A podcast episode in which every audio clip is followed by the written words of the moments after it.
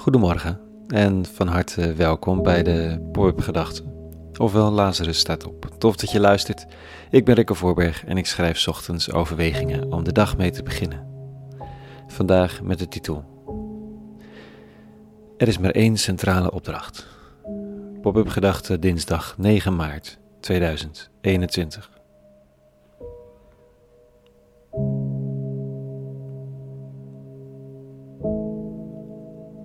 Ja, liefhebben natuurlijk, dat is de sleutel tot alles, toch? Wie niet lief heeft, leeft niet. Wie geen liefde ontvangt, gaat dood, letterlijk en figuurlijk.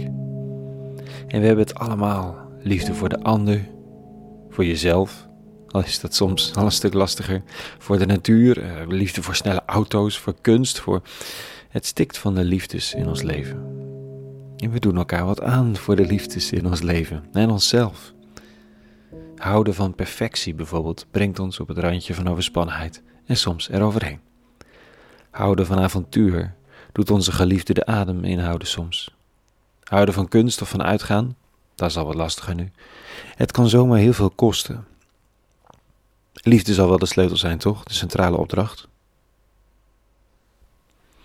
Ja en nee. Ja, want het is de centrale uitspraak als het gaat om de samenvatting van de christelijke leefregel en de Joodse wet. Volgens Jezus van Nazareth. Heb God lief boven alles en je naast als jezelf. En ook nee. Nee, omdat liefde om invulling vraagt. Wat betekent dat dan? God lief hebben en degene naast je. Er zijn er die God lief hebben en in de religieuze teksten onderuit de zak krijgen, omdat ze met hun liefde voor God absoluut niet hebben begrepen waar het over gaat. En je naaste lief hebben, er zijn er die uit liefde voor hun naasten diegene eindeloos veel onrecht doen. Denk alleen maar aan degene die de anderen op het rechte pad willen houden en volkomen voorbij gaan aan wie de ander is. Wat is dan de centrale opdracht binnen liefhebben? Wat kunnen we doen?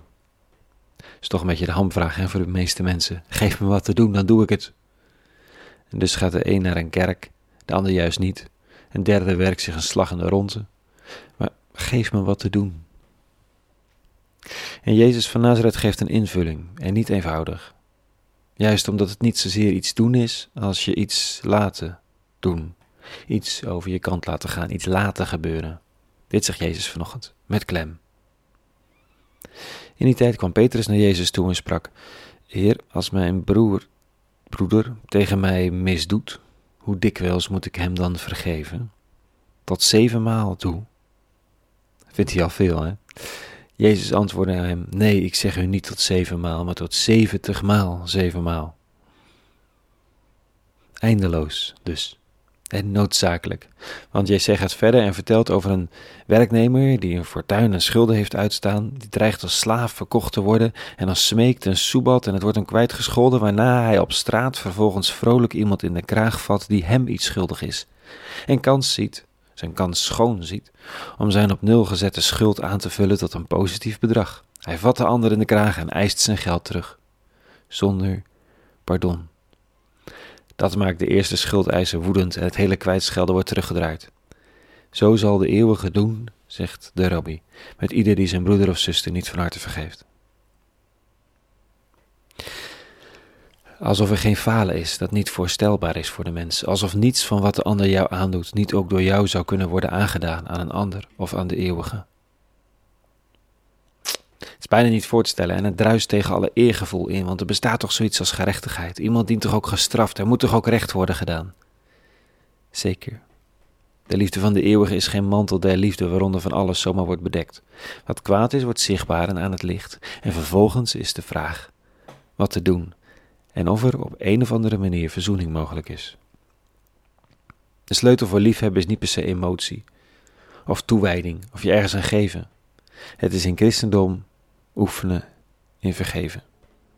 En vergeven is een samenspel van recht doen aan daders en slachtoffers door het kwaad te veroordelen en door vergelding te parkeren. Omdat het, dat een destructieve weg is. Vergelding, onhoudbaar omdat ons al te veel vergeven is, steeds weer opnieuw. Iets wat we al opgroeiend, maar steeds een beetje meer moeten gaan zien, te geloven. Tot zover. de bespiegeling in deze pop-up gedachten vanochtend. Een hele goede dinsdag gewenst. Morgen weer een nieuwe pop-up gedachte en vrede. En alle goeds.